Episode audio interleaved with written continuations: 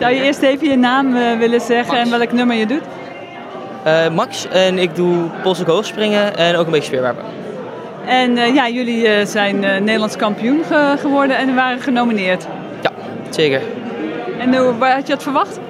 Eh, ik had wel verwacht dat we gecombineerd zouden worden en ik had eigenlijk ook wel een beetje verwacht dat we het niet zouden winnen. Eh, ja, je dacht tegen ZZ-leiders moeilijk opboksen natuurlijk. Ja, zeker. Die, Maar eh, ja, het is natuurlijk ook, jullie zijn eigenlijk een individuele sporters allemaal. En eigenlijk een soort gelegenheidsteam zou je kunnen zeggen. eh, Ja, zeker. Je presteert natuurlijk allemaal individueel, maar je bent wel als club ben je heel erg hecht samen, waardoor je eigenlijk alsnog een soort- eigenlijk wel een team bent.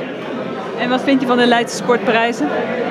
Eh, ik ik vond het wel leuk. Ik vond het wel lang duren, maar het was wel heel leuk om te zien, alle, al die sporters te zien. Het was wel heel erg gezellig. Wist je dat er al zoveel mensen aan het sporten waren in Leiden? Eh, niet op zulk hoog niveau, nee zeker niet. Ik had zeker niet verwacht dat er zoveel mensen waren die eh, zo hoog niveau zouden zijn. En eh, wat is jouw ultieme doel? Eh, mijn ultieme doel is ja, toch wel meedoen met het WK. Ja, gewoon mijn eigen prestaties zo hoog mogelijk krijgen.